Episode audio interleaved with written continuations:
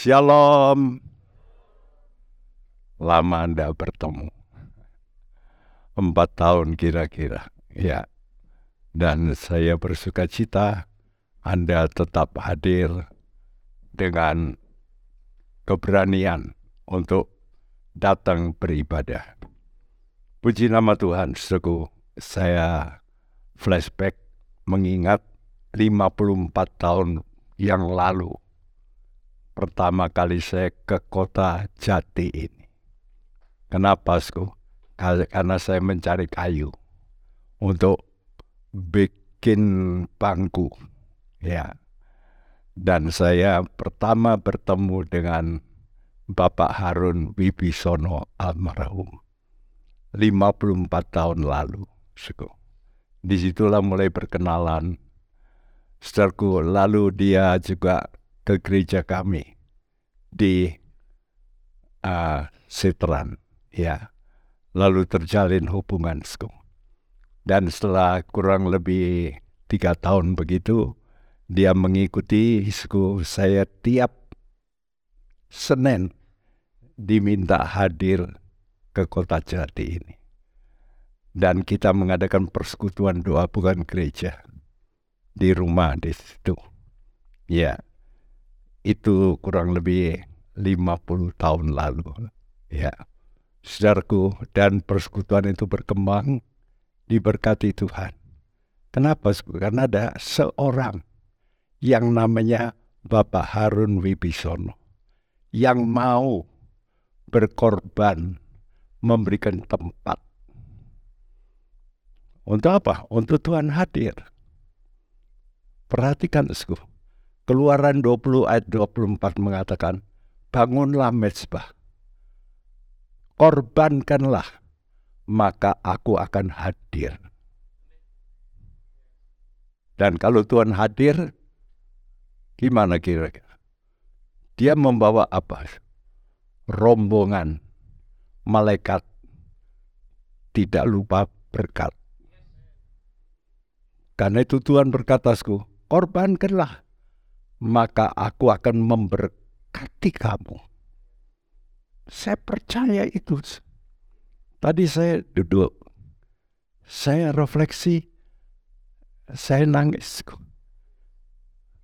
Hanya karena saya datang ke sini, ketemu dengan seorang yang memberikan hati, keluarlah Anda-Anda di sini. Wah, ini besar. Ya, karena ada seorang yang mau membuka rumahnya. Perhatikan, Sku, kalau hatimu terbuka dan kau mulai memikirkan kerajaan Tuhan, eh, Tuhan itu kalau diundang, Sku, dia bawa malaikat-malaikat. Dia bawa Sku pasukan sorga untuk apa? Untuk memerangi segala gangguan-gangguan. Dan Tuhan curahkan berkatnya. Amin. Anda mau setia mengikut Tuhan. Mesti jadi apa? Kalau dia Tuhan, Tuhan itu Tuhan. Kita harus jadi apa? Hamba. Karena itu judul yang diberikan pada saya, hamba yang rela. Tapi saya ganti sedikit itu. Tetaplah berhati hamba. Bisa ditayangkan. Nah, sudah lihat di situ, suku. Tetaplah berhati hamba. Apa itu kok ada telinga di situ? Ya, ada telinga ini. Ya ini gambar telinga ya, suku. Ini apa ini? Suku? Penindik ya. Just. Kalau ditindik keluar apa? Darah. Nah, jadi saudara, terpenting bagi orang Kristen itu harus dengar. Dan ada tanda apa? Darah.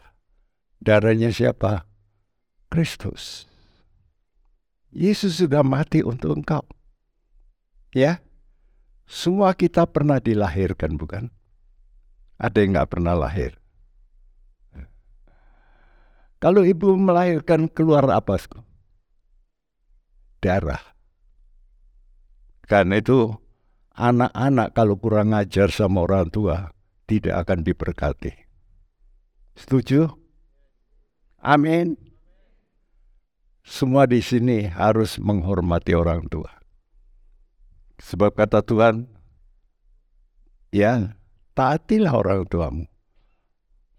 Di situ ada janji. Benar.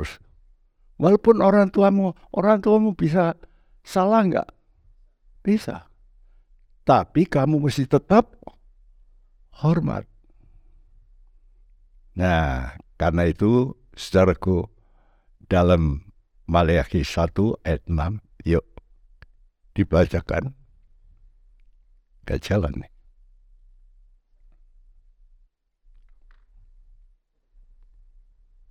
Ya. Oh, ini tidak jalan. Seorang anak menghormati bapaknya, dan seorang hamba menghormati tuannya. Jika aku ini bapa, di manakah hormat yang kepadaku itu? Jika aku ini Tuhan, di manakah takut yang kepadaku itu? Firman Tuhan semesta alam kepada kamu, Hai para imam yang menghina namaku, tetapi kamu berkata dengan cara bagaimanakah kami menghina namamu? Ya, Tuhan itu menegur pertama-tama kepada siapa, Sku? Imam. Imam itu siapa? Pendeta. Kenapa dunia rusak? Karena pendetanya brengsek. Tahu nggak? Kenapa Eropa itu rusak sekarang? Saudara tahu? Indonesia lebih baik dari Eropa sekarang. Anda masih bersyukur. Orang di Eropa itu susah sekarang. Padahal mereka dulu kaya. Ya, sekarang mereka sedang krisis. Kita masih bisa enak di sini, Skup. Engkau mesti terima kasih sama presiden kita. Amin. Benar, Skup. Kenapa? Karena kita anak-anak Tuhan di sini. Wow, Indonesia ini ada api doa.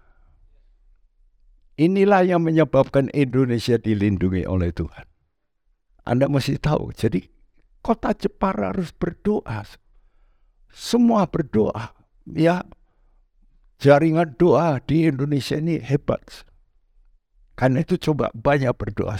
Dan Tuhan kata seorang anak menghormati bapaknya. Karena itu kalau saudara nggak hormat sama bapakmu, waduh, celaka ya. Apalagi juga sama ibu.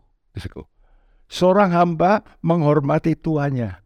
Walaupun tuan itu salah, engkau kerja di situ, engkau mesti hormat. Kenapa? Karena engkau bekerja, engkau dapat duit. Engkau mesti hormati. Dia memberikan peluang untuk engkau bisa bekerja. Ya, kalau hamba aja di dunia, anak saja di dunia menghormati papa dan Tuhan yang bisa salah. Apalagi kepada Tuhan yang tidak pernah salah. Kita harus takut dan hormat. Kenapa, Sku? Karena kedudukan kita di hadapan Tuhan sebagai apa, Sku? Anak, semua anak ya. Gak ada cucu Tuhan, Sku. Semua anak. Karena itu kita semua bersaudara. Jadi jangan merasa, wah dia hebat. Kita ini saudara semua. Kita saudara dalam Tuhan. Amin. Karena itu mesti saling cinta. Ya. Seorang anak itu kerjanya papa mama apa sku? Melihara. Coba kalau papa mama mau nggak melihara engkau, mana bisa besar seperti ini? Hah? Tinggal, wah, datang makan. Well, susu datang. Enak ya. Tapi kalau terus jadi anak gimana? Repot orang tua. Mesti dididik. Jadi besar. Kalau anak ini baik, nanti akhirnya terima apa? Warisan. Wah. Paling enak itu jadi anak.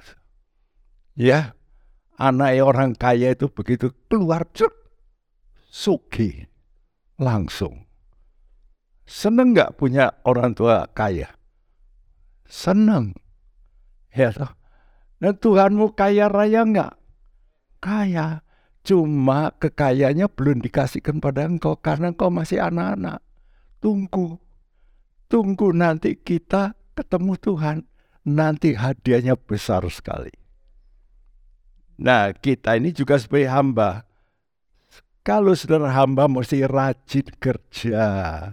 Karena itu jangan jadi anak Tuhan yang males-males tidur-tiduran, pegang gadget terus. Coba kalau saudara punya pegawai di kantor suka pegang aja gadget terus, gadget terus. Tidak mau kerja, gadget terus. Halo, yang sudah adiksi gadget berhenti. Setuju? Ada yang nggak setuju cuma diam aja. Anda masih belajar ya, bekerja. Tapi selain rajin, jangan rajin lalu nyolong. Waduh, berat dan banyak terjadi itu di perusahaan-perusahaan. Kita mesti jujur dan terus bekerja sampai mati. Dalam Alkitab sudah dikasih klausul ya. Seorang hamba budak perempuannya kalau dia jujur, rajin, lalu tuannya kata, kenapa ndak mau aku jadi mantu awai? Keluarga dari pembantu saya, sku, jadi PRT di Taiwan. Lalu tuannya senang, dikawin, sampai datang ke Klaten, adakan pesta. Waduh, dapat berkat TKW sekarang jadi istri bos. Kok bisa? Bisa asal rajin, jujur.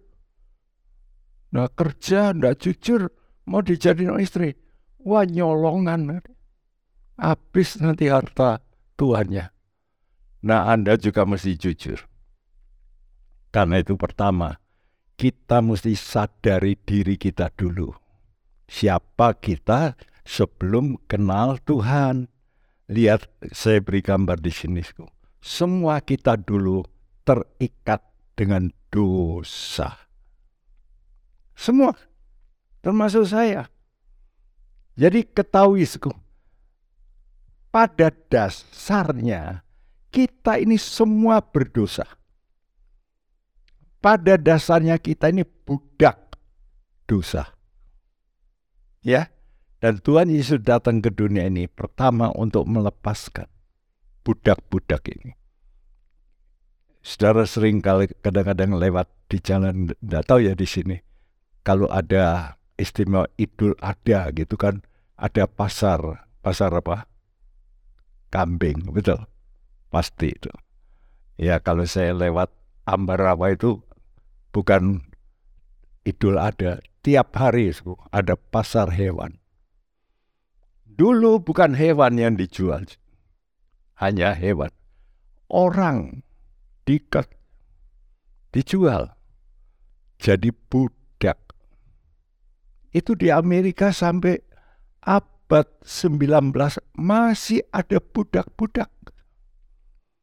Orang-orang negro itu yang hitam-hitam jadi budak. Jadi di pasar budak. Ya. Nah Tuhan Yesus datang ke dalam dunia ini untuk membayar. Jadi kita ini dulu semua budak-budak dosa. Dibeli oleh Tuhan dengan apa? Darah. Supaya kita ini lepas dari dosa. Kenapa? Karena kita semua ini sifatnya lemah. Di dalam Roma 6 ini dikatakan kamu dulu ini hamba dosa. Ya, semua kita ini punya kelemahan. Kenapa aku punya kelemahan? Karena kita punya tubuh. Tubuh kita ini namanya tubuh dosa. Coba aja kalau sudah nggak suka datang ke gereja, sku.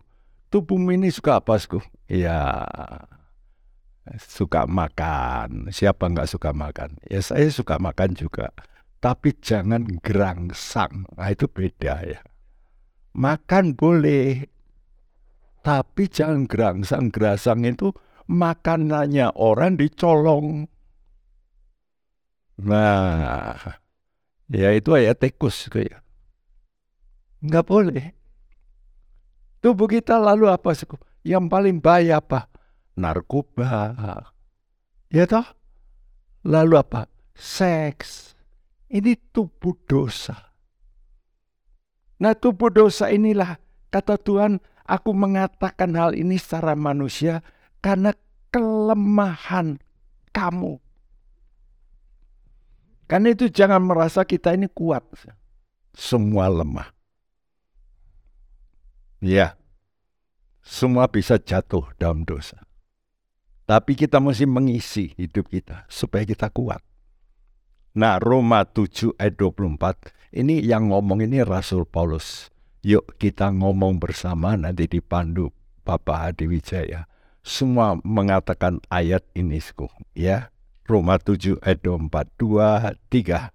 Aku manusia celaka. Siapakah yang akan melepaskan aku dari tubuh maut ini? Siapa yang ngomong ini? Paulus. Dia sudah rasul. Sudah loh saat dia nulis ini dia rasul. Tapi dia sadar diri. Dia tidak kata, oh, aku rasul, orang iso jatuh. Enggak. Aku manusia celaka. Kenapa?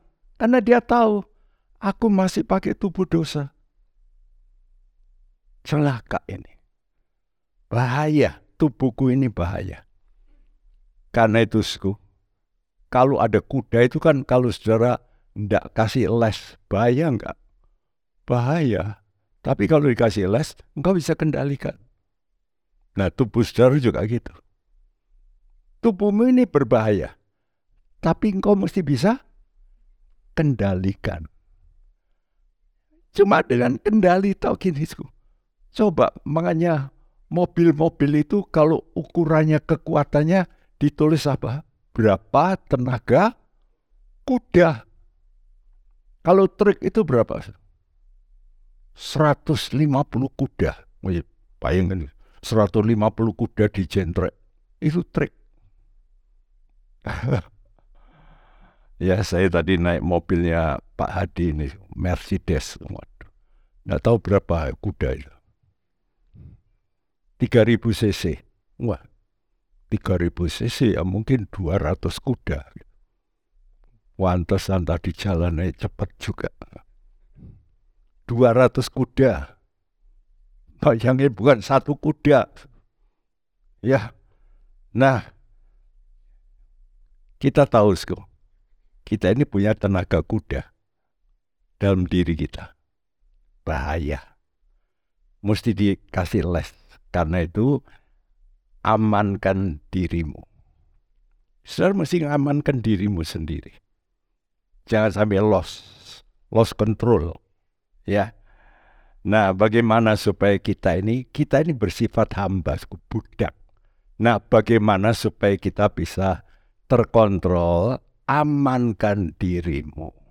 Nah, untuk amankan dirimu itu Tuhan kasih tahu ini. Seorang budak yang ngerti dirinya, dia akan ngomong seperti ini, Keluaran 21 ayat 5 dan 6.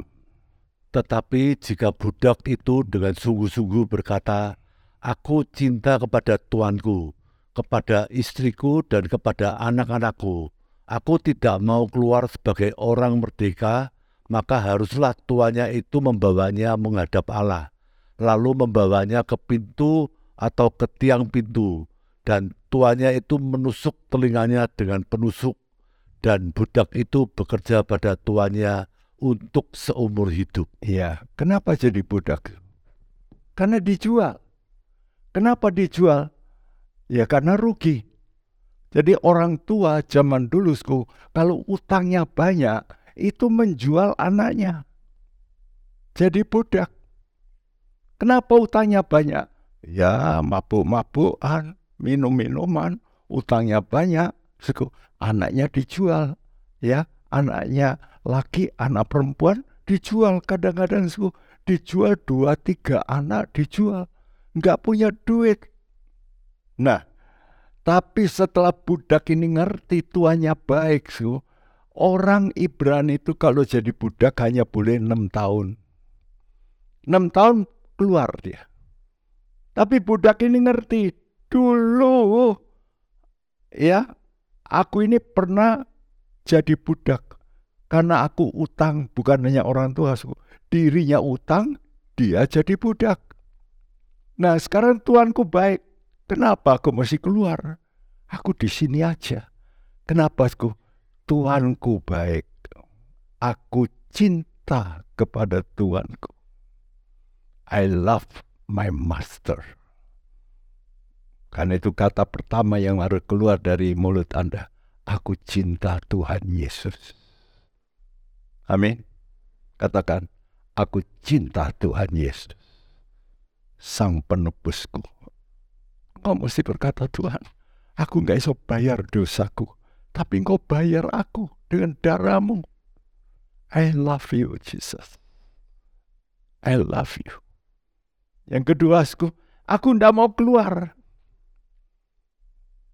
Karena aku tahu, aku tunduk sama Tuhan ini kepena. Kenapa mesti metu? Wes di sini wae. Karena itu suku Aku tidak mau keluar. Aku mau melayani. To serve.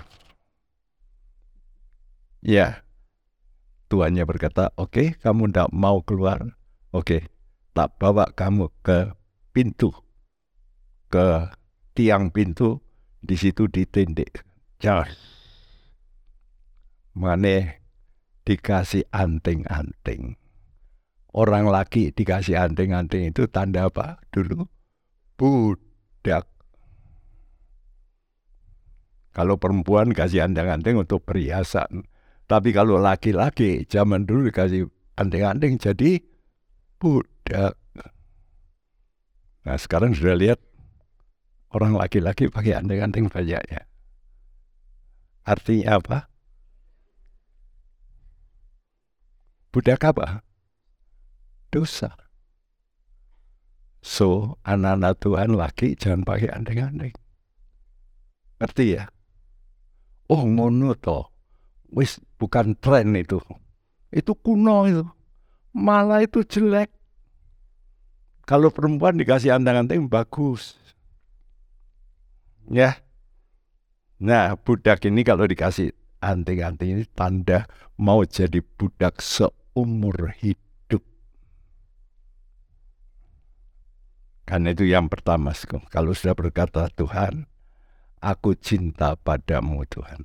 Kata Tuhan benar enggak? Kamu cinta padaku. Kalau kamu betul cinta padaku, apa tandanya? Petrus waktu ditanya Tuhan, Petrus, Simon, apakah kamu mengasihi aku? Dia berkata, ya Tuhan. Tuhan lalu berkata, gembalakanlah domba-dombaku. Tuhan tanya lagi, Simon, apakah kamu mengasihi aku? Iya Tuhan. Gembalakanlah domba-dombaku. Tuhan tanya lagi. Karena Tuhan ini mau sampai dalam. Simon, apakah kamu mengasihi aku? Iya Tuhan, sambil nangis. Lalu Tuhan tetap menjawab, gembalakanlah domba-dombaku. Sekarang saya tanya kepada saudara, apakah saudara cinta Tuhan? Apakah saudara cinta Tuhan? Apa tugasmu? Gembalakanlah. Semua di sini. Saudara singers, saya lihat Anda bagus sekali. Gembalakanlah para pemuji, engkau kalau berdiri di sini, berikan untuk supaya jemaat ini bisa mengalami perubahan. Pemain musik main di sini untuk mengubah hati jemaat. Pendeta ngomong untuk memasukkan firman Tuhan untuk mengubah jemaat. Yang terima tamu harus bisa Sumeh ya. Jangan cuma Wah, Jumat ya. Saudara semua sih mengembalakan. Saudara yang punya duit, ini sound system para ini mahal. Benar nggak? Lain kali saya harap ini diganti ini yang lebih kecil itu. Supaya tidak nutupi muka. Tapi yang kecil itu mahal bukan main. Larang. Tidak ngerti mahal ya, larang. Mikrofon ini mahal. Mana hati-hati jangan jatuh. Mahal. Lu cuma bersih ini tok kok mahal. Ini mahal. Sound system ini mahal.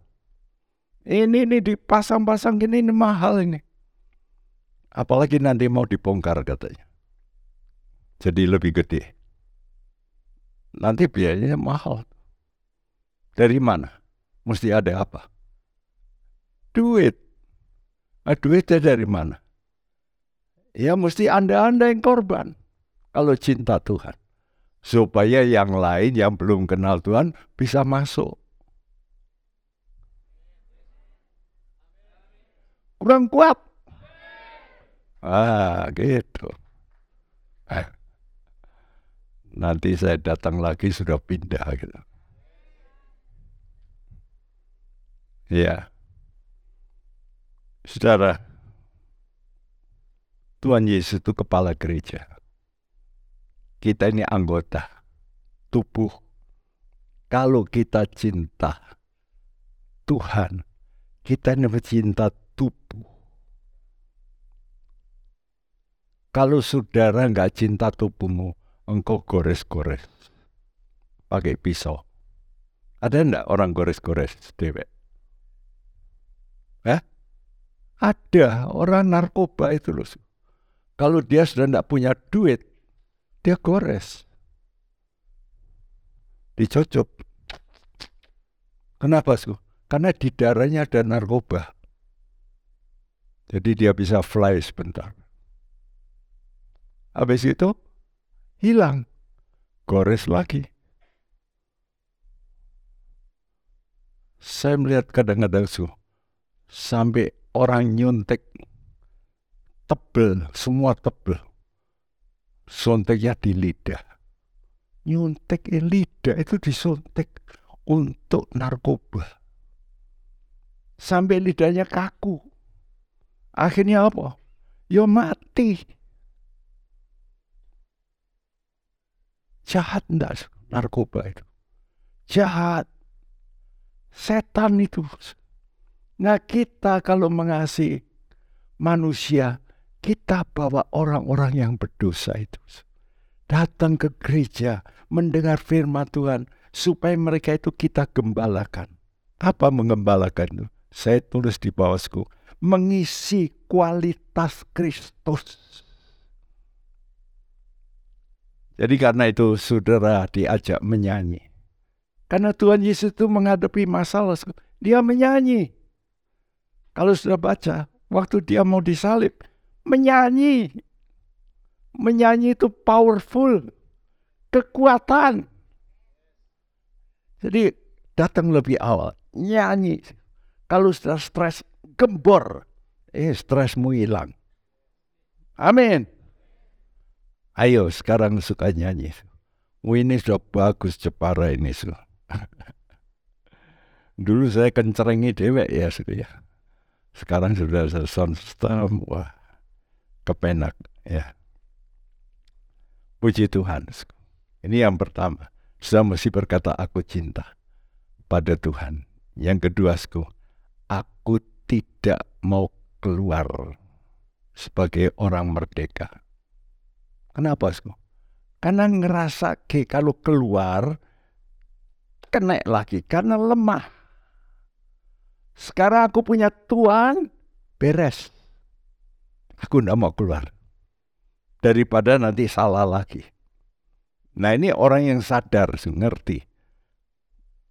Banyak saudara yang ngerti, aku sekarang tidak mau ngikuti kemauanku sendiri. Ini orang yang sadar. Aku ndak mau cari senengku dewek sadar jahatnya kuasa dosa. Seneng, tapi habis seneng hancur. Lihat aja orang narkoba. Kalau lagi kena ekstasi seneng gak? Seneng tuh.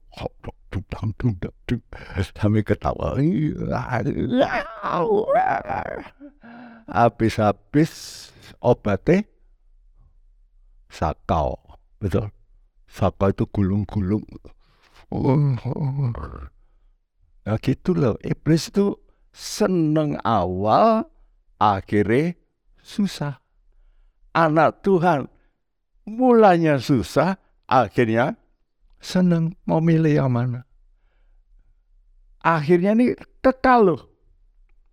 Sekarang orang seneng-seneng dang ding dung dang ding dung di disco nanti masuk neraka disco juga. Tapi waduh wow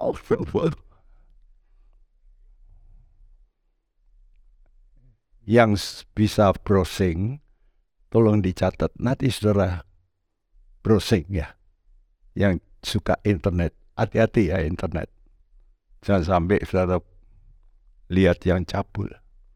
Nanti browsing, saudara, semua di sini kalau bisa browsing, yang mudah-mudah Coba klik to hell and back. To hell and back itu banyak cerita nih. Tapi ada satu yang dibuat oleh Dr. Maurice. Nah itu yang dilihat. Jangan yang lain. Nanti saudara akan melihat apa itu neraka baik.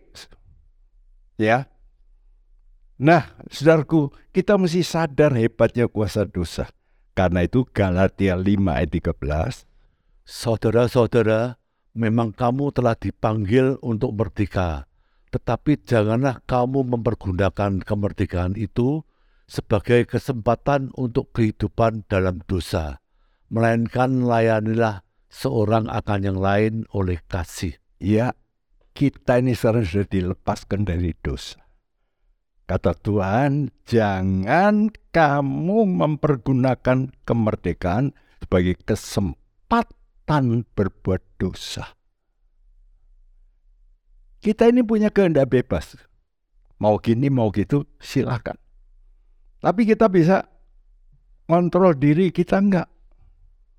Seperti mobil lah.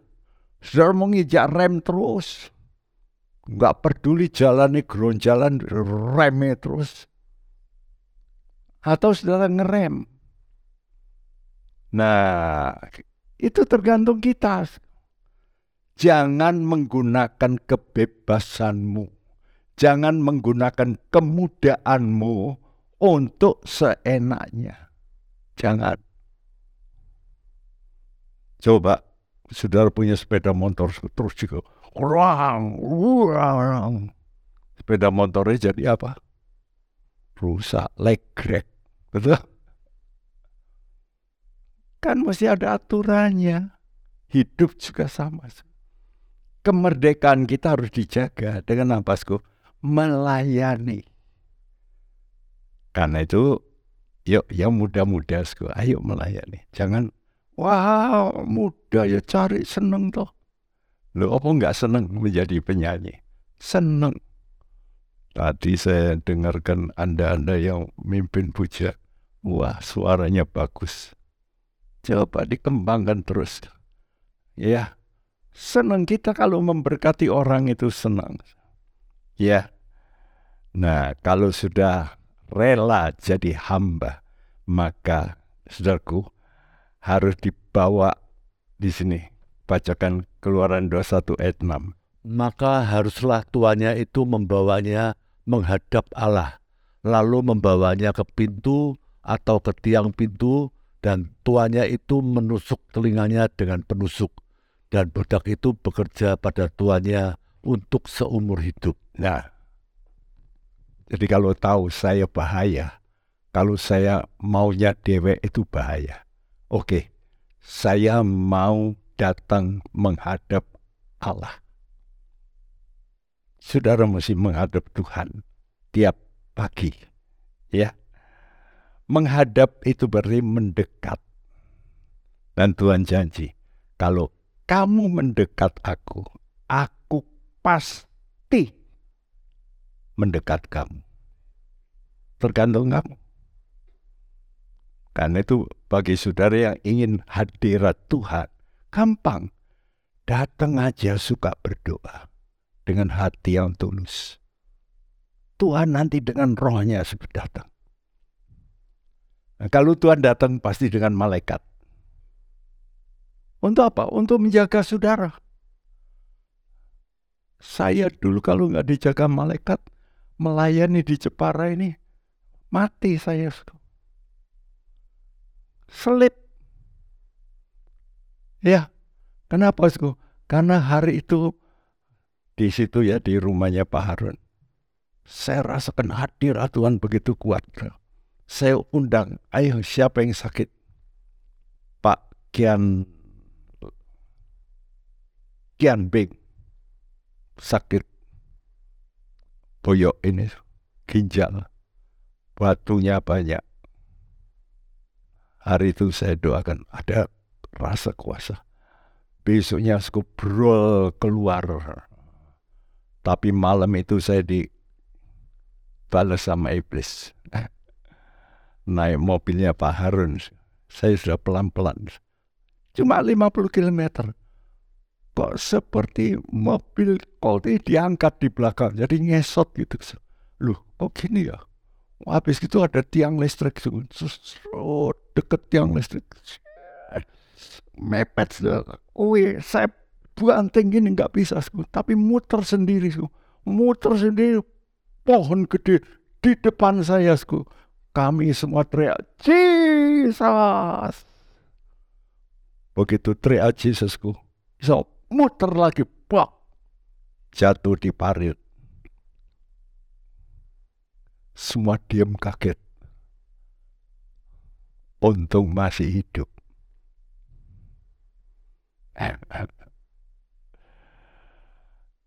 Kalau kita dekat Tuhan, Tuhan mendekat pada kita dengan malaikatnya, dengan penjaganya.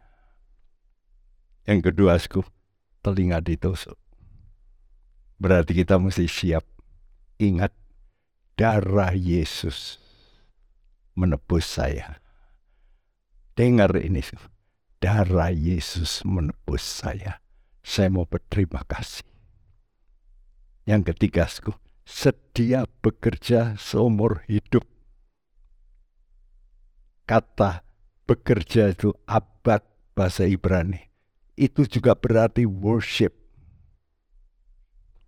Jadi kalau saudara mau beribadah, jangan lupa worship God, sembahyang. Sembahyang itu bukan berdoa, beda. Kalau berdoa itu Tuhan lindungi saya. Tuhan tolong anak saya. Tuhan berkati saya. Kalau sembahyang, puji Tuhan. Engkau besar Tuhan. Engkau dahsyat Tuhan. Engkau pasti luar biasa menjaga hidupku.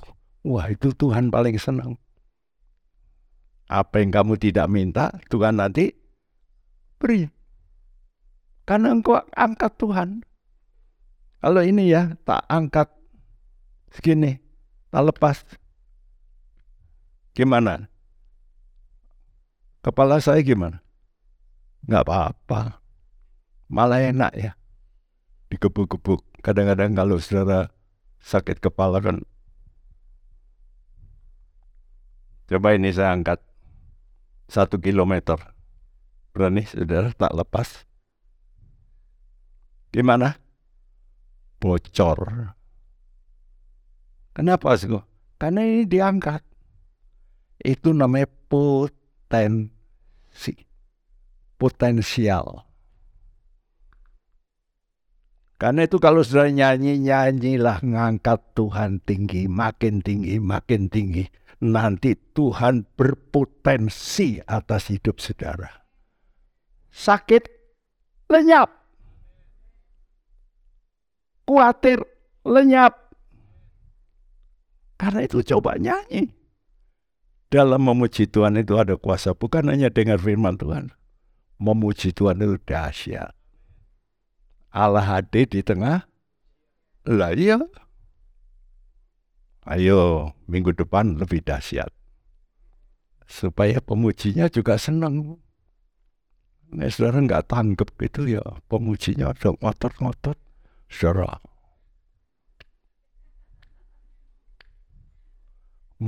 mulutnya nggak cuap-cuap. Tapi kalau ngoneni orang, wow, wow, wow. Sekarang kalau nyanyi gitu ya, oh, haleluya. Wah, dahsyat. Gereja ini dahsyat gitu. Nanti menarik banyak orang. Ya, karena itu yang terakhir, saudara punyailah yang namanya roh kehambaan. Ini paling penting. Saya lihat ini kemah tabernakel. Gereja kita sebut gereja tabernakel. Ya. Di tabernakel ini ada halaman, ada ruang suci, ada ruang masuci. Orang-orang Israel itu dikeliling berkemah. Yang boleh masuk ke sini, ya rumah Tuhan ini, hanya imam. Lewi di halaman. Masuk lagi ruangan kudus itu hanya boleh imam. Masuk ruangan maha kudus hanya boleh imam besar. Ya, saudaraku, dalam pola perjanjian lama, Tuhan menetapkan yang namanya orang Lewi. Ya, untuk melayani dalam kemah suci. Nah, kenapa orang Lewi ini dipilih Tuhan? Ceritanya waktu orang Israel jatuh dalam dosa penyembahan ber, berhala. Suku Musa marah. Musa naik ke gunung 40 hari, puasa, tidak makan, tidak minum. Lalu mendapat suku namanya batu, dua batu ditulis jari Allah, sepuluh hukum. Dia turun bawa batu itu datang ke bawah mereka pesta porasku berbuat dosa. Musa marasku batu yang ditulis Allah ini dibanting oleh Musa. Lalu Musa tantang orang-orang itu. Siapa yang memihak Tuhan?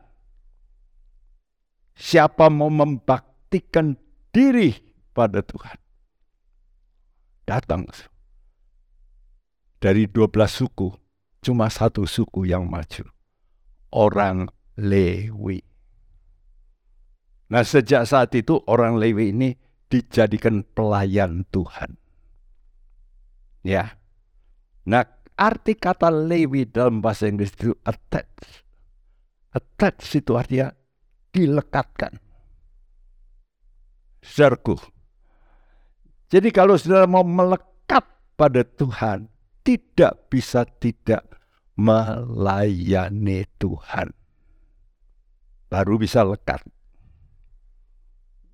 Nah, siapa yang melekatkan kita? Roh Kudus. Karena Roh Kudus ini menarik spiritmu kepada Tuhan. Itu Roh Kudus kerjaannya. Sehingga engkau lalu bisa ber doa dalam roh kudus. Apalagi kalau sudah bisa bahasa roh. Wah itu ngomong-ngomong sama Tuhan. Tapi sudah nggak ngerti ngomong apa ini. Tapi itu bisa mendekatkan diri.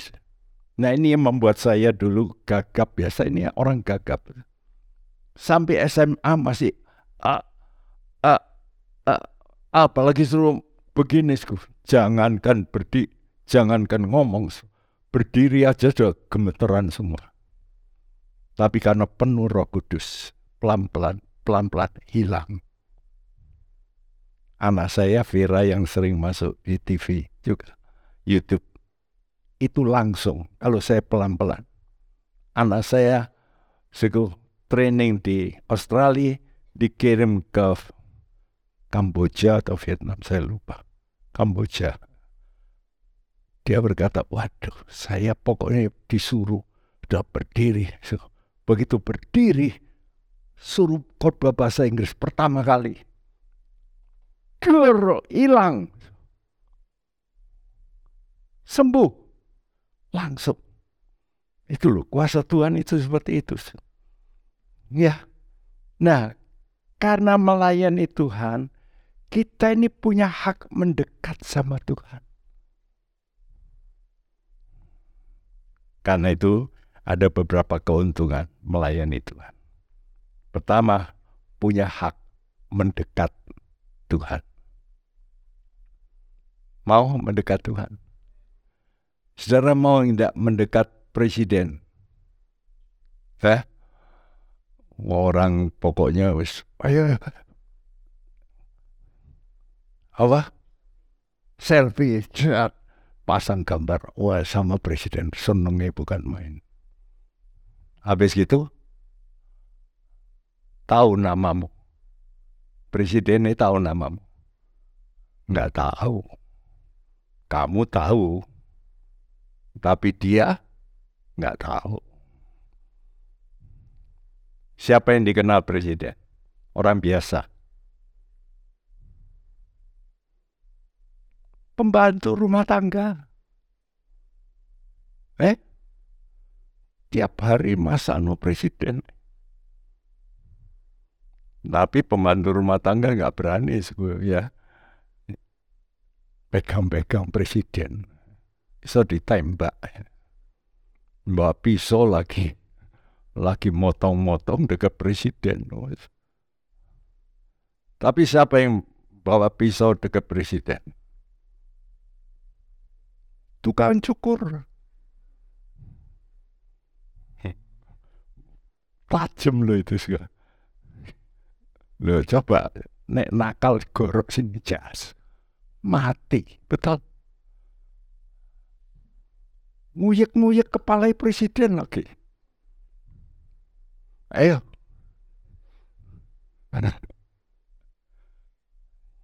Kenapa kok bisa? melayani. Siapa lagi? Lebih hebat dari tukang cukur. Tukang cukur 15 menit. Tukang pijet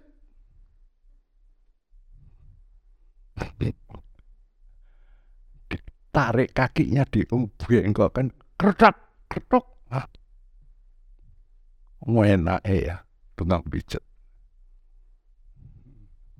Kan itu di tempat kami ada masalah. Bersaudara. Dari kecil bersama jadi kaya. Kaya, kaya, kaya, punya istri, punya anak, lalu breng. Breng lalu apa? Masuk no penjara. coba dari kecil bersama, mikul dedek bersama, mikul bersama, jadi orang kaya bersama, akhirnya breng. Karena duit.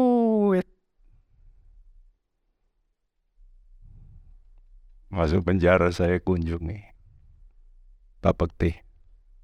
Saat itu 80 tahun saya disuruh push up 80 kali tiap hari.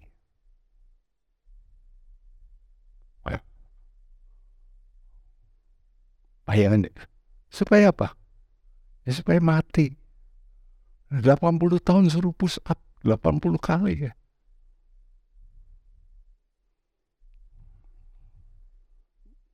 Dia nangis.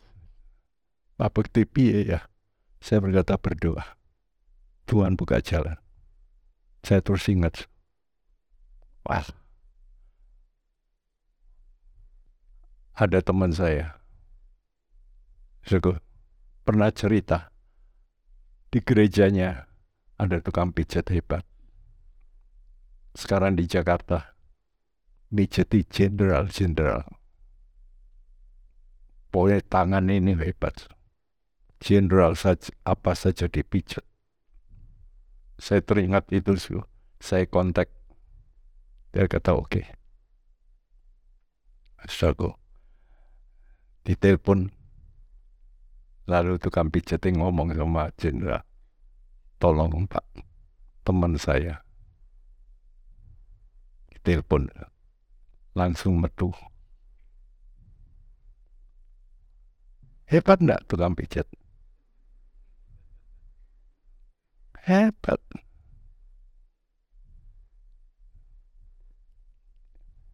untung saya ingat ya waduh dekat dengan Tuhan. Tuhan kirim malaikat menjaga hidupmu. Yang kedua, suku, orang Israel waktu mau perang dihitung usia 30, 20 sampai 50. Tapi orang Lewi dihitung satu bulan ke atas. Berarti saudara yang mau melayani Tuhan dengan lebih dekat.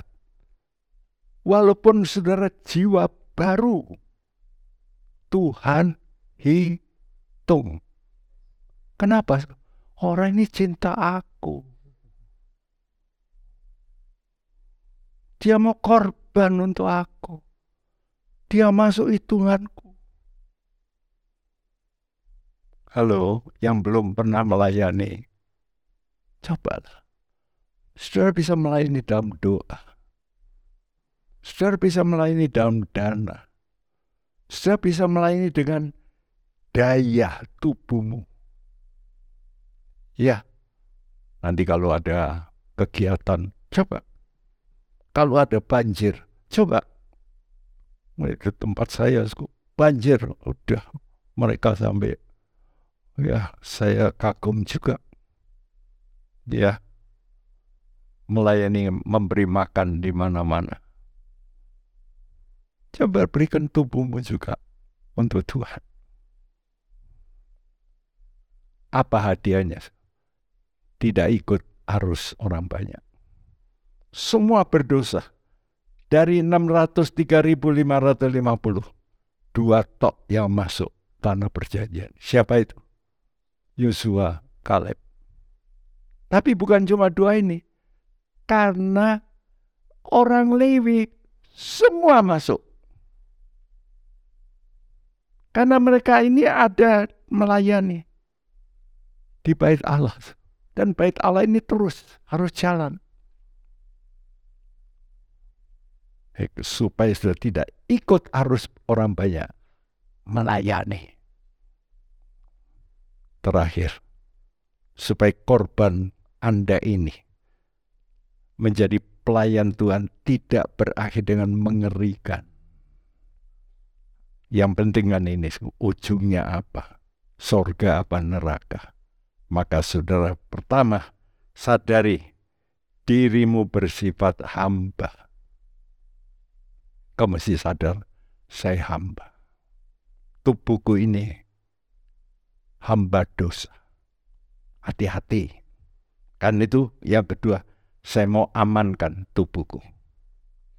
Karena itu aku tidak mau jadi hamba dosa. Aku mau jadi hamba kebenaran. Dan ketiga, punya roh kehambaan. Saya gambar di sebelahnya, gambar apa itu? Onta. Onta ya. Onta itu tinggi, Kak. Saudara bisa nyengkelak onta? Hah? Nggak bisa. Gimana supaya saudara bisa duduk di onta?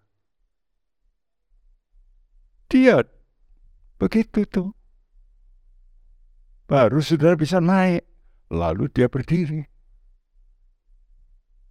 Tinggi sudah.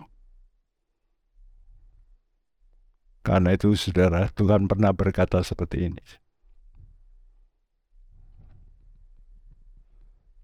aku berkata padamu. Sekali lagi aku berkata kepadamu, lebih mudah seekor unta masuk melalui lubang jarum daripada seorang kaya masuk ke dalam kerajaan Allah. Orang yang mendengar, hah? Unta kok masuk lubang jarum itu piye? Lihat gambar ini. Ini onta ini ya. Ini ini. Kalau dia berdiri gini bisa enggak masuk? Enggak bisa. Tapi kenapa dia bisa masuk? Dia masih begini. Nah ini bebannya dilepas. Kapan saudara bisa begini? Lagi apa ini? Hah? Sembahyang. Halo? Mau masuk lubang jarum? Belajar sembahyang. Hari apa? Jumat dan Sabtu di sini ada doa.